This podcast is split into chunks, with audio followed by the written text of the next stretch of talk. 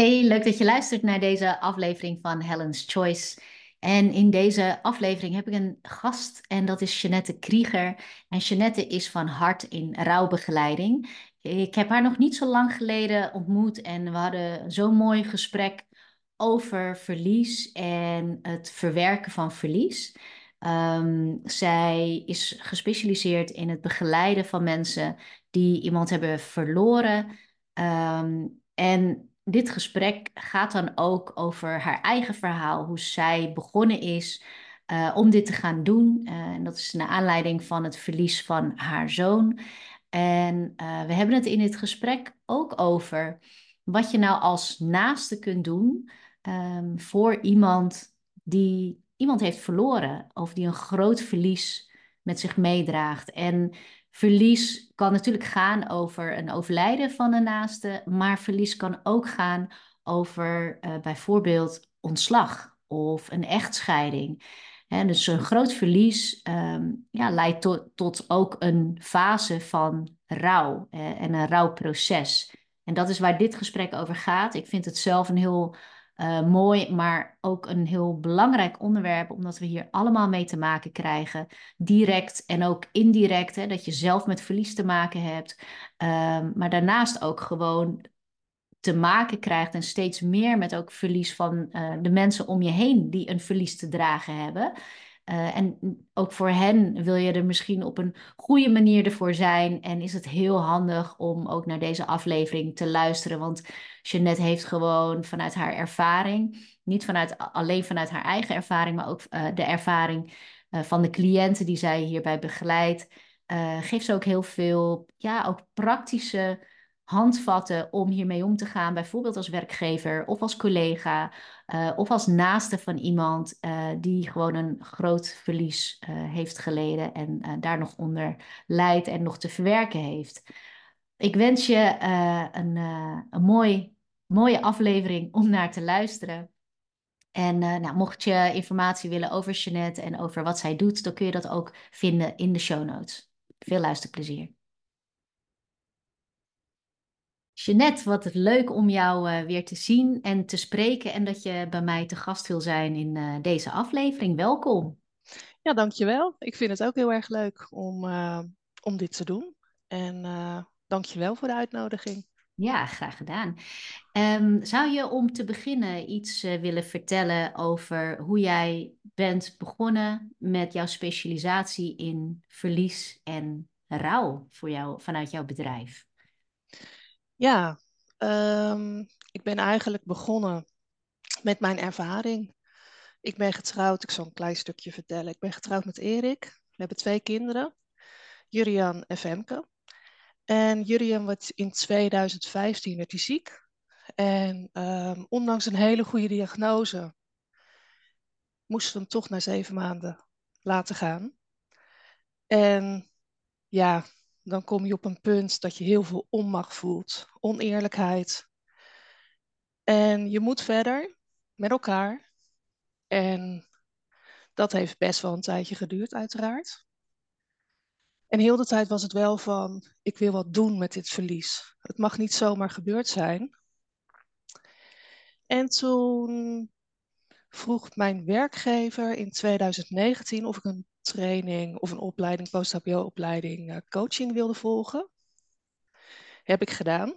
En toen ben ik ook gaan coachen op mijn werk. En toen was het bruggetje snel gemaakt, omdat tijdens coaching kom je toch vaak ja, rouw en verlies tegen als iemand even, het, ja, even er doorheen zit. En toen heb ik uh, ja, diverse trainingen gevolgd. En sinds vorig jaar ben ik uiteindelijk begonnen om mijn uh, ja, ervaring in te zetten met de benodigde trainingen. Ja, jeetje, wat een, uh, nou ja, natuurlijk wat een uh, hele heftige ervaring ook, natuurlijk om je eigen kind te verliezen. En, maar hoe knap ook dat je dan daar toch ook iets mee doet om, om anderen te helpen daarbij. En um, is het zo dat jij je dan richt op de mensen die een kind of een dierbare hebben verloren, die eigenlijk door het verlies, uh, zelf door het verlies heen werken en, en, en daarover rouwen? Of help je ook mensen die te maken hebben met iemand die verlies te verwerken heeft? Ja, beide. Beide. Um, ik begeleid ook mensen dat een van hun dierbaren komt te overlijden, dus naar het sterven toe. Mm um, en ja, ook bij andere vormen van verlies. En in mijn praktijk zie ik vooral uh, mensen die een dierbare hebben verloren. Of ook een kind, ja, een kind of een partner. Of een, uh, een van de ouders. Ja. Heb jij het idee dat daar nog een beetje een taboesfeer omheen hangt voor de mensen die dat bij naasten bijvoorbeeld meemaken, dat zij iemand verliezen? Dat dat, dat een beetje een soort van onbespreekbaar blijft, of dat mensen niet zo goed weten hoe ze daarmee om moeten gaan? Ja, dat is het eigenlijk. Het is niet zozeer een taboe van, oh, we praten er niet over. Maar het is meer van, ja, hoe gaan we erover praten? Want ja, ze lacht nu net heel veel en ja, het ziet er heel gezellig uit. En dan gaan ze niet over verdriet beginnen, de ander. Terwijl als iemand in rouw is, diegene die ze missen, is continu in hun gedachten. Dus het is niet zo van je maakt iemand verdrietig, maar um, ja, het, het is er altijd. Dus meestal vinden mensen in rouw, of ja, wat is rouw, hoe lang duurt rouw? Dat mijn rouw of mijn gemis duurt mijn hele leven lang. Dus ik vind het altijd heel fijn om over jurt te praten. En, uh, maar meestal is het de kennis die de omgeving mist om erover te beginnen. En, uh, of de durf om erover te beginnen. Ja, en, en wat zijn dan vaak dingen die mensen misschien denken dat zo is, wat vaak niet waar is? Dus wat zijn eigenlijk misschien aannames die mensen hebben over mensen die iemand verloren hebben? Kun je daar eens een paar voorbeelden van noemen? Uh, de aannames van de omgeving bedoel je? Ja. Mm -hmm. um, ja, zelf kunnen ze ook wel denken van uh, het moet nu maar eens een keertje voorbij zijn. Weer erover praten. Um, maar ja, dat bepalen zij niet. Ja. en, um, en ook inderdaad van we willen het wel gezellig houden. Of ik wil de ander, en die is eigenlijk het meeste, ik wil de ander niet verdrietig maken. Ja. Want als iemand huilt, daar hebben, ja, sommige mensen hebben daar best wel moeite mee. Mm -hmm. Met, het, dus met de emotie huilen. Ja, dus het is hun eigen ongemak eigenlijk. Ja, ja. Terwijl voor de mensen die aan de andere kant staan, als de naam niet genoemd wordt, dan denken zij, dat is hun aanname dan, oh, ze zijn het al vergeten. Ja. Dus als je dan met elkaar in een ruimte zit, er zijn zoveel aannames, terwijl je als je het eventjes opengooit, even de naam noemt, of even, hey, hoe is het nu? Of als je op een verjaardag zit, van hoe is het nu om uh, hier te komen? Even die eerste ontlading, zeg maar. Ja. En daarna dan volgt het allemaal vanzelf. Ja, ik, ik kan me ook voorstellen voor iemand die zelf in rouw is, dat ze er niet altijd over willen praten of niet met iedereen. Ja. En, en hoe, hè, wat zou jij zeg maar de omgeving eigenlijk meegeven in de omgang met mensen in rouw? Stel dat nog heel, uh, heel vers is bijvoorbeeld. Hè? Het is misschien net een paar weken of een paar maanden geleden dat, dat ze een naaste hebben verloren. Hoe, hoe kun je daar het beste mee omgaan? Want ik, ik kan me voorstellen dat als naaste dat je ja, het eigenlijk ook goed wil doen voor de ander. En diegene eigenlijk gewoon biedt wat hij nodig heeft. Hoe kan je dat eigenlijk het beste aanpakken? Het vragen. Vragen wat je nodig hebt. Of vragen wat diegene nodig heeft. En als diegene zegt van nee, ik wil er nu niet over praten, voel het dan niet als een persoonlijke afwijzing, maar wees trots dat diegene haar of zijn behoefte aan kan geven. En ja, dan weet je zelf ook van, ik heb het benoemd. Dus ja, we kunnen weer verder en uh, we kunnen op een ander onderwerp praten. En dan weet de ander dat er altijd die ruimte is. Ja. Als er geen ruimte is, dan is dat gewoon heel verdrietig. Ja.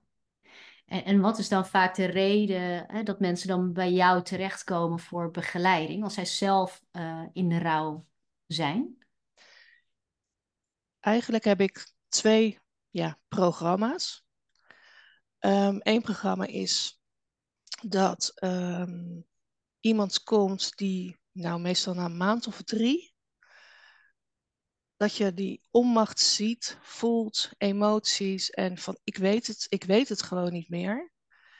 En dan neem ik diegene mee in een traject van ja, zeven sessies. En dan gaan we het rouw bespreken, verduidelijken, de rode draad herkennen. En dan zie je ook na die zeven sessies ja, het resultaat. Dat er weer een opbouw is, dat er meer lucht is, dat er meer ruimte is. Anders kan dat, um, dat ik ze bijvoorbeeld een jaar lang begeleid. Dat ik gezinnen een jaar lang, dat we het gewoon niet iedere twee weken, maar dat ik iedere keer na een maand er even langskom of dat ze hier in de praktijk komen. En dan ja, begeleid ik ze een jaar lang. Want er gebeurt nogal wel wat in een jaar. En uiteraard kan het ook langer. Maar meestal is een jaar wel voldoende. Ja. En dan, um, ja, meestal spreek je daarna elkaar ook nog wel. Ja. Maar er is niet echt, iedereen rouwt op zijn eigen unieke manier.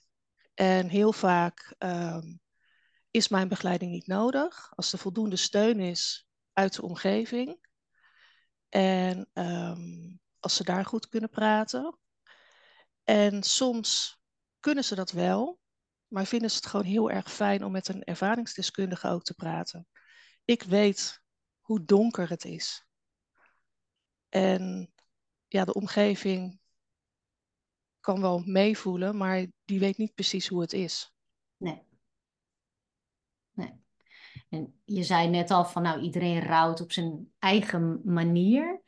Uh, kun je een aantal voorbeelden noemen van hoe mensen met groot verlies uh, omgaan? Hoe verschillend ze daarmee om kunnen gaan?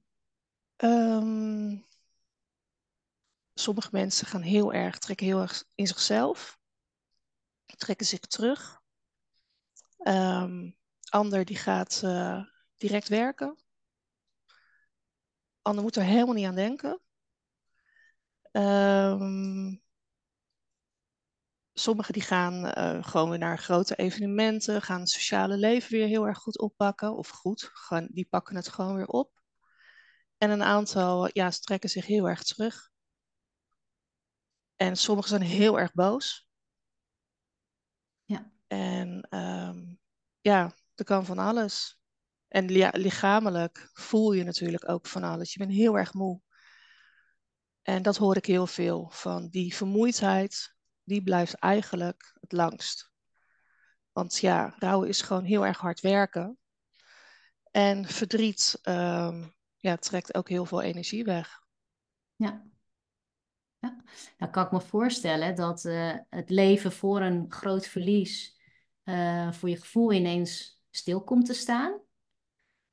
Terwijl de wereld om je heen gewoon doorgaat. Alsof er niks gebeurd is. En op een gegeven moment, hè, als je werkt en je verliest iemand, dan heb je een periode dat je misschien even niet werkt. Maar vervolgens wordt natuurlijk wel weer verwacht dat je de draad weer oppakt.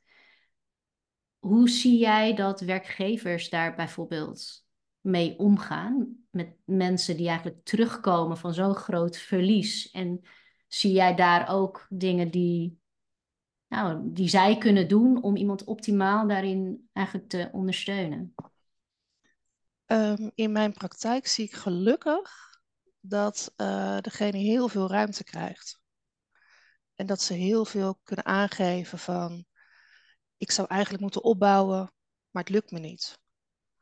En mag ik nog twee weken op deze uren zitten? En dus dat zie ik gelukkig in mijn praktijk, dat werkgevers veel meer openstaan en ook de kennis hebben. Maar er zijn nog steeds bedrijven die die kennis niet hebben. En ja, een medewerker is gewoon gebaat af en toe een één op één en vooral naar zo'n impactvolle gebeurtenis, ook al is het alleen maar om te checken. En wil de werknemer daar wel over praten, helemaal prima. niet, ook goed. Maar ook daar geeft die ruimte. Geeft die ruimte dat het bespreekbaar is. En ga niet, stop niet na een maand checken. Want ja, vraag gewoon geregeld hoe het gaat. Ja. Ja. Nou kan ik me voorstellen dat mensen dan denken van ja, maar op een gegeven moment, dan is er misschien twee jaar overheen gegaan. Wanneer, wanneer stopt het? Stopt het überhaupt? Hoe ga je daarmee om? Mijn ervaring op mijn werk is dat er altijd nog even over Jur gesproken wordt. Ik werk er nu al, dit jaar wordt, ja, werk ik daar 25 jaar, dus we hebben heel wat meegemaakt met elkaar. Ja. Maar er wordt altijd wel aan Jur gerefereerd. Of ik opper hem, of uh, ze zeggen van joh, het is uh, ja, binnenkort zijn verjaardag, wat ga je doen? En, en dat is fijn. Ja. En, en dat is dus dat is, als ik het goed begrijp, is dat dan vaak voor degene die iemand verloren heeft, is het heel belangrijk om die herinnering ook soort van actief te houden en levend te houden. En die persoon ook gewoon door, ja, door daar gewoon over te kunnen spreken. Ja.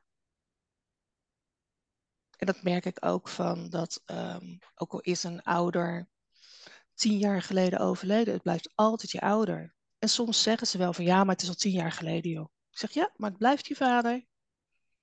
Ja. Ja, dat is wel waar. Ja, mijn moeder is overleden en ik denk dat dat al, ik denk dat ik was 24, dus dat is inmiddels echt heel lang geleden, meer dan 20 jaar geleden. Maar ik merk wel dat ik zelf uh, soms toch behoefte heb om gewoon herinneringen op, op te halen. En dat doe ik dan gewoon hè, thuis bij mijn gezin. Mm maar als ik dat niet doe, dan is er gewoon niemand meer die daarover spreekt met mij. Dus dat, dat is voor mij wel een stukje. Ja, ik weet nou niet of het een troost is, maar het is wel een, een behoefte die er gewoon ja.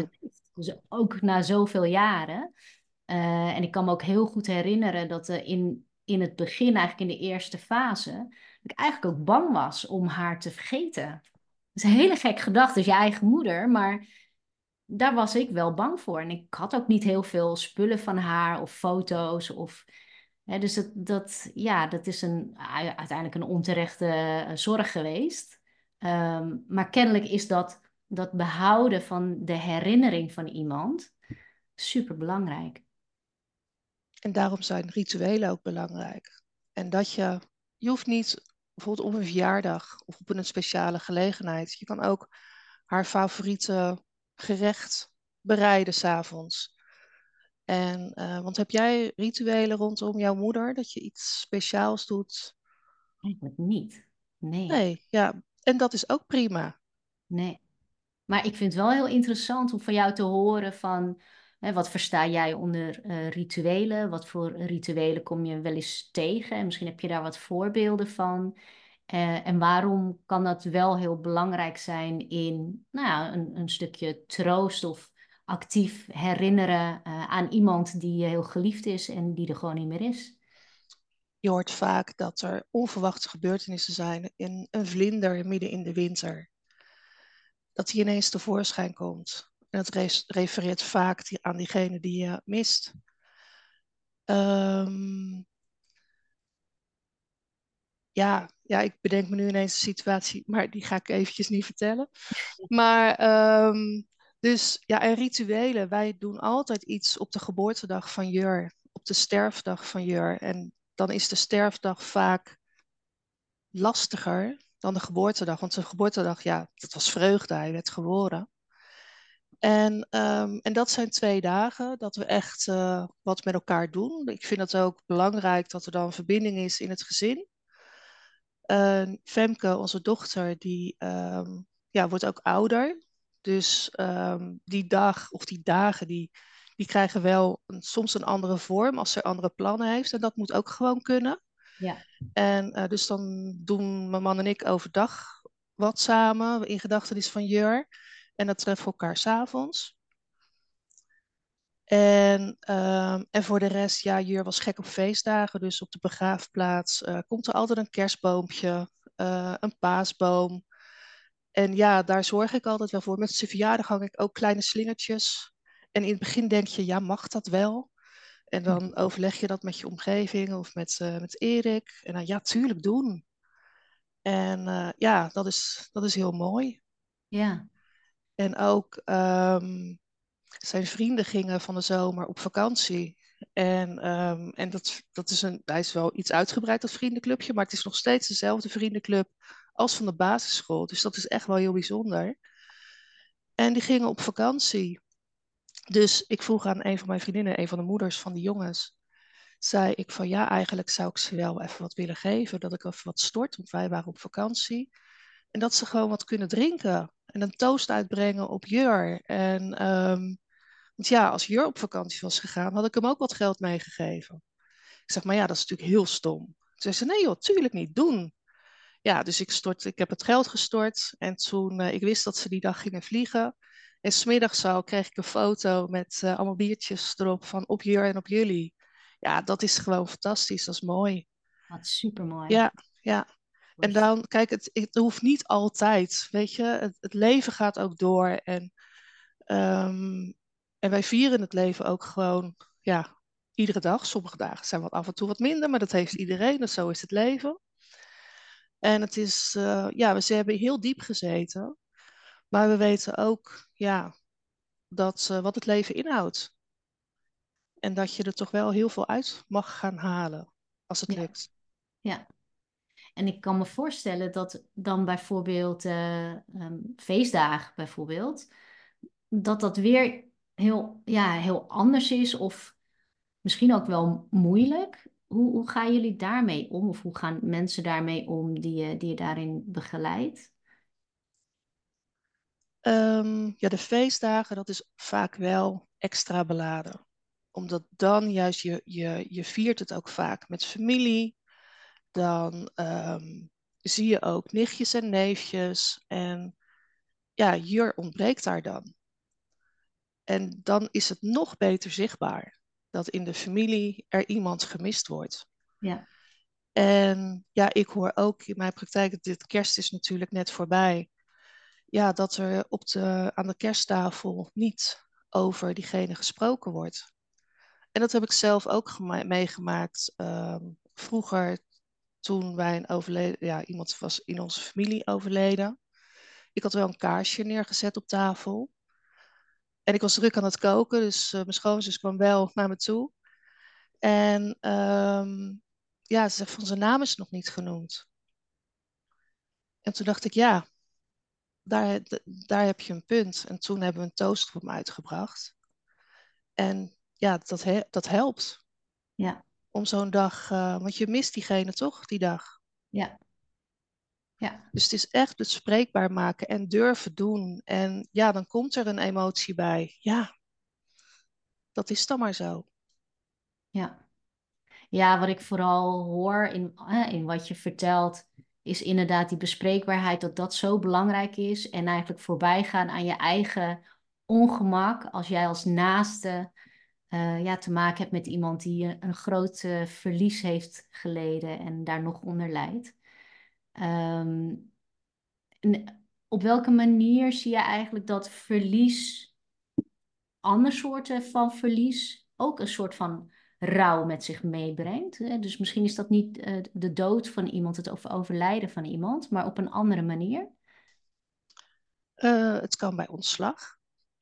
Dus of een dreigend ontslag. Um, er wordt aangekondigd, er wordt gereorganiseerd. Dan, dan, dan gaat er al iets gebeuren in je hoofd.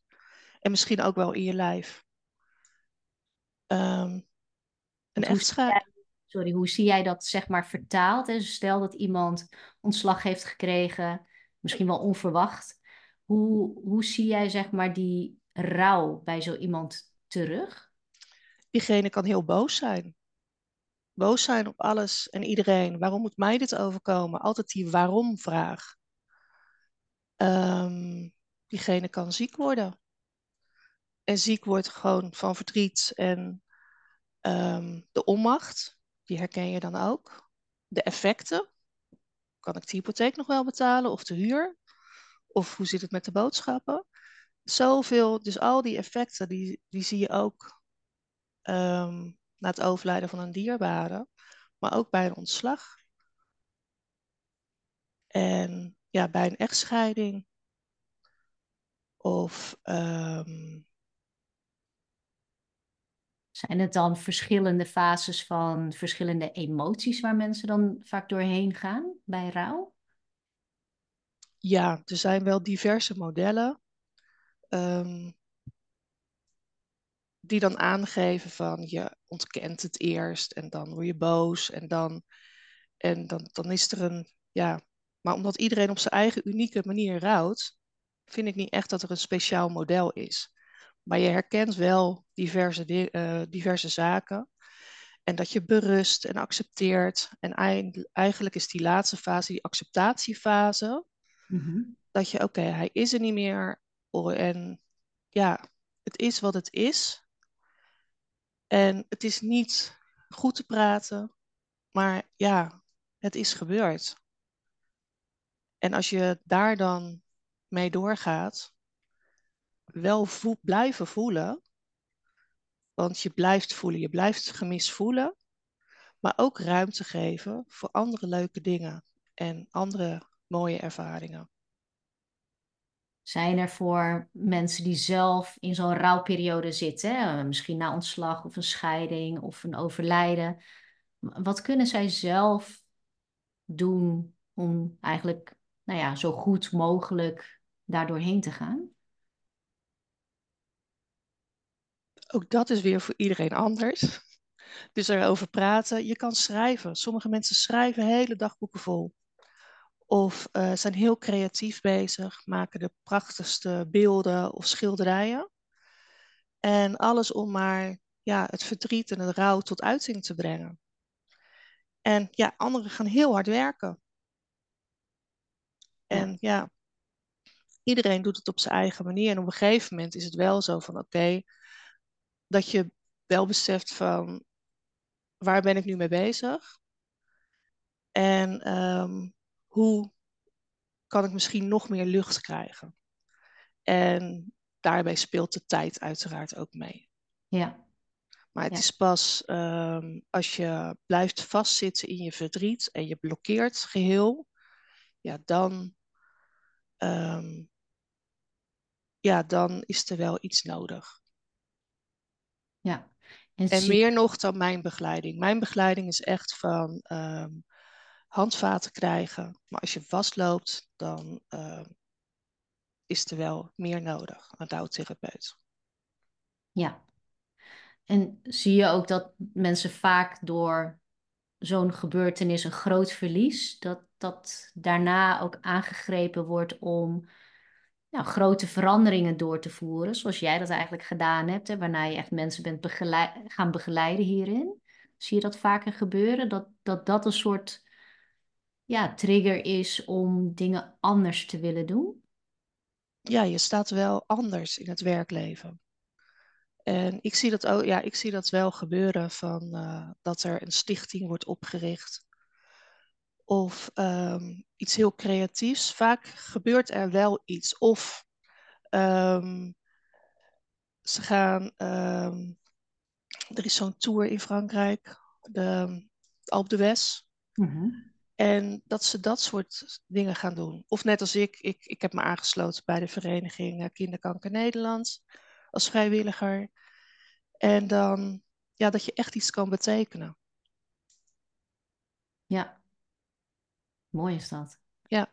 Ja. En soms, ja, ja, ik zie wel dat er vaak iets naast, dus wel dat de baan hetzelfde blijft, of heel anders, dat iemand echt een hele andere richting op gaat. En, um, maar wel dat ze daarnaast wat anders gaan doen. Ja. Wat, wat is voor jou iets hè, vanuit het werk wat je doet en vanuit jouw missie? Wat is iets wat jij, ja, wat jij vooral nastreeft in het, in het helpen van mensen en het begeleiden van mensen? Vooral luisteren. Dat is vooral luisteren. En vaak zit er achter het verlies nog een ander verlies. Dus als je kijkt van uh, wat is er allemaal gebeurd in jouw leven, dan zit er meer verlies of verdriet.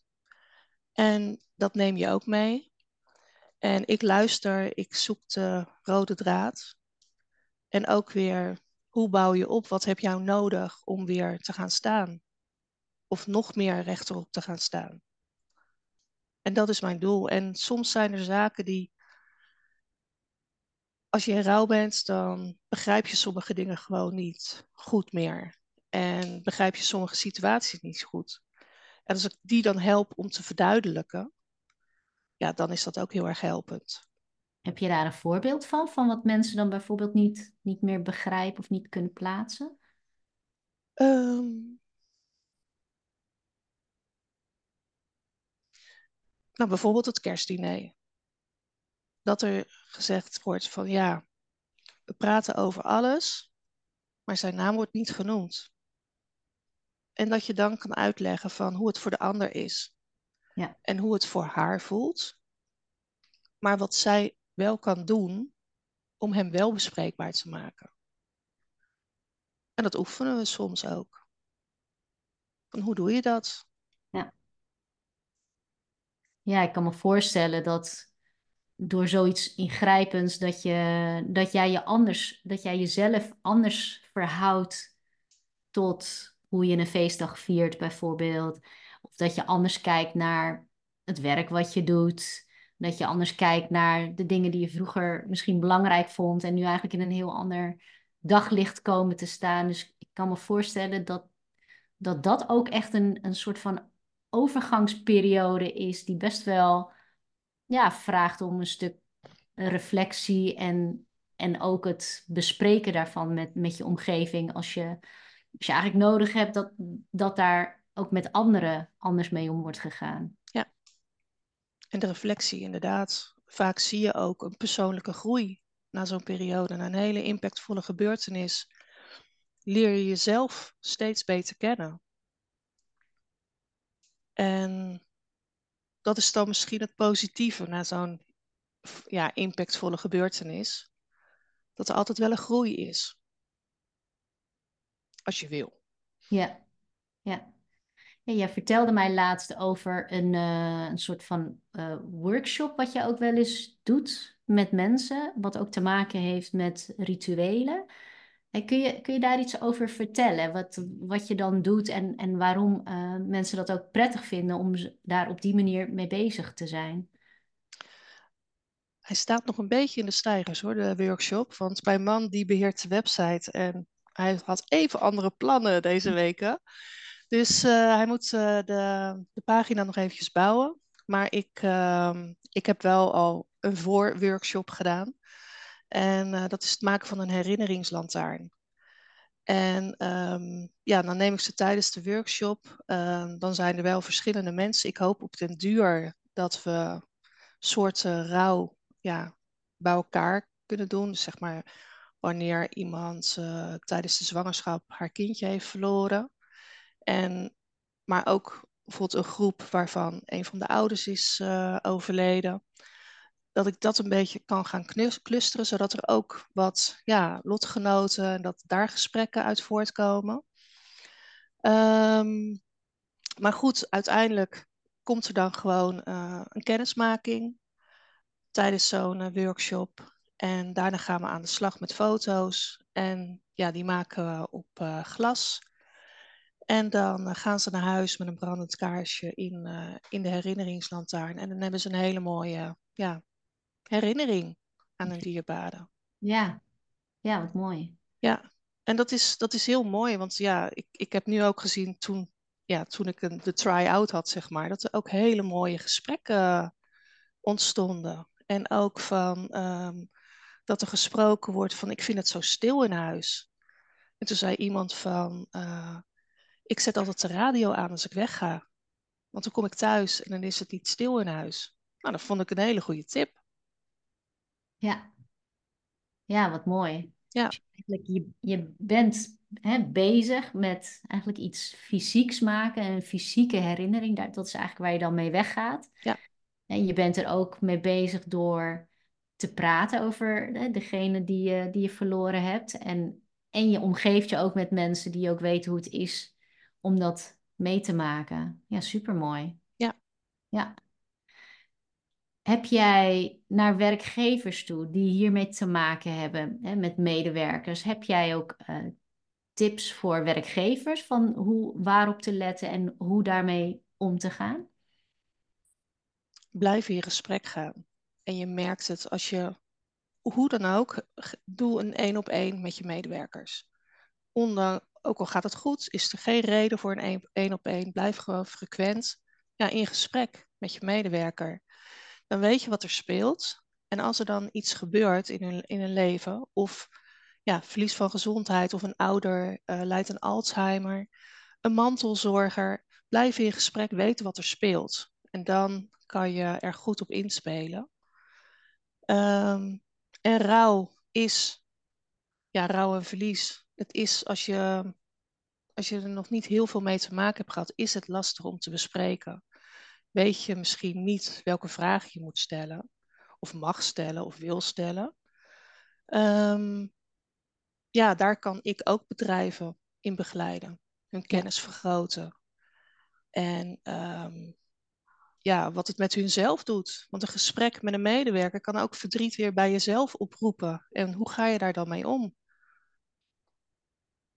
Ja, dat het je eigen verdriet eigenlijk weer naar boven ja. brengt. Ja, dat kan ook. Ja. Jeetje, nou je doet echt super mooi werk, uh, Jeanette. Nou, dankjewel. Ja. Um, is er nog iets wat we nog niet hebben besproken en wat je wel graag zou willen delen? Um, ja, ik wil vooral benadrukken dat iedereen op zijn eigen manier rouwt. En dat um, er staat geen tijd voor. En heb je het gevoel wel dat het heel zwaar is en um, ga, er met iemand, ja, ga er in gesprek met iemand. En um, en ook als het gewoon je heel erg overweldigend, dat het overweldigend is. Ja, zoek ook een uh, rouwbegeleider op, rouw- en verliesbegeleider. Want het is niet nodig dat je. Ik had het graag gewild, maar ik gun het mezelf niet. Van, uh, ik gunde onze dochter alles, maar hm. zelf had ik zoiets, ik was heel erg zoekende. Ja. En achteraf gezien had ik graag wel een, uh, een rouw- en verliesbegeleider aan mijn zijde gehad. Ja, wat denk je dat het voor jou voor verschil had gemaakt dat je dat, als je dat wel had gehad? Ik denk dat het uh, wat rustiger geweest zou zijn. Dat ik um, je twijfelt aan alles. Doe ik het wel goed? En um, ik denk dat ik dan meer de bevestiging had gekregen van je doet het goed. Hoewel wij heel veel lieve mensen in onze omgeving hadden. En um, maar ik denk wel dat ik het me een stukje makkelijker had kunnen maken. En als jij zegt je doet het goed, bedoel je dan het rouwproces goed doen of iets anders? Um, ja, dat is wel inderdaad de vraag die je altijd hebt gerouwd. Want het zegt iedereen, je moet goed rouwen hoor. Maar ja, hoe doe je dat? En eigenlijk is goed rouwen, ja, door je emoties gaan. En aan de ene kant uh, je verlies um, aandacht geven. En ook weer doorleven. Ze zeggen, er is een model, het eiland van verlies en het eiland van doorleven. En af en toe dan, dan zit je daar tussen, tussendoor te pendelen. Ja. En soms zit je op het eiland van verlies, ben je heel erg verdrietig of boos of al die emoties die erbij horen. En dan zit je op het eiland van doorleven. Dan ga je naar je werk, ben je op feestjes. En, en dat is die balans, ja, dat is wel belangrijk. Dat die er is. En ik denk als je die doorpakt en je gaat steeds meer richting het eiland van doorleven. En af en toe tik je het verlies weer aan. Ja. Ik denk dat je dan voor jezelf op een goede manier bezig bent. Ja. Maar dat heeft wel tijd nodig. Ja, precies. Dus eigenlijk de, de tijd die mensen daarvoor nemen om hè, weer meer terug te gaan naar het eiland van het, hoe noem je dat ook weer? Verlies en? Doorleven. Doorleven. Ja. Uh, dat de tijd de, die mensen ervoor nemen om naar dat andere eiland te komen en veel vaker daar te zijn, dat is heel verschillend en daar is ook geen goed of fout in. Want dat Klopt. vind ik ook altijd met balans zoeken of evenwicht of harmonie. Uh, dat is ook heel persoonlijk. Mhm, Ja, Ik kan me voorstellen dat het voor de een heel goed werkt om een hele periode echt intensief eigenlijk eh, te rouwen. Eh, en, en dan ver- vervolgens volop eh, eigenlijk weer door te, door te pakken en door te leven. Natuurlijk wel af en toe weer terug te gaan. mhm, Terwijl voor de ander het misschien juist heel goed werkt om eigenlijk zo snel mogelijk ook weer het ritme vast te pakken van, nou ja, van alles wat gewoon doorloopt, zoals bijvoorbeeld het werk Ja. en andere verantwoordelijkheden. Dus eh, ja, hartstikke mooi dat je dat ook zo eh, op die manier toelicht. Ik denk dat dat eigenlijk het belangrijkste is, hè, dat er inderdaad dat het en bespreekbaar blijft, hè, of bespreekbaarder wordt als dat nog niet zo is. Eh, dat je niet schroomt om eigenlijk ook te vragen hoe het met iemand is en of iemand iets nodig heeft en of je daarin kan, kan helpen of faciliteren. En dat er ook geen goede of foute manier is van rouwen, maar dat iedereen gewoon zijn eigen proces en zijn eigen manier daarin heeft. En het enige waar je misschien voor wil waken is dat je niet alleen maar op dat eiland van verlies blijft hangen en daar gewoon niet meer goed uit weet te komen. Zeg ik dat zo goed? Zeker. Super. Hey, als, ehm, als mensen nu denken die dit geluisterd hebben van eh jemig, ik zou hier wel eh, meer over willen weten, eh, waar kunnen ze je dan vinden? Ze kunnen me vinden op LinkedIn en ik heb ook een onder mijn eigen naam, Jeanette Krieger. En ik heb uiteraard ook een website, www.hartinrouwbegeleiding.nl. Ja. En, en op Insta, dat heet ja, Hart in Rouwbegeleiding en dan streepje nou, hart.rouw.begeleiding. En daar deel ik mijn verhaal, ehm, ja, hoe ik het heb ervaren. Ehm, de rouw en het missen van onze zoon en broer. Ja, En ehm, ja, de- en daar, ondanks dat een verlies niet van een zoon is, maar van een ouder of zelfs een hond, herkennen mensen zich daarin. En ook dat is al helpend. ja. Dankjewel. Ik ga sowieso jouw links opnemen in de show notes. Dus mensen kunnen, kunnen je sowieso gaan vinden als, ze als ze dat willen. Ehm, ja, ik vond het heel belangrijk om, om dit onderwerp ook zo uit te laten lichten door jou. Omdat toch, ja, verlies is gewoon iets waar we allemaal mee te maken krijgen. En eh, ja, iedereen probeert daar dan zo goed mogelijk mee om te gaan. Met alle andere dingen die dan ook nog gewoon doorgaan. Terwijl jij misschien gevoelsmatig ook echt even stilstaat. En misschien wel een hele poos stilstaat. Dus ik dank je wel voor dit gesprek, Jeannette. Ja, jij bedankt. Fijn dat je dit wilde doen.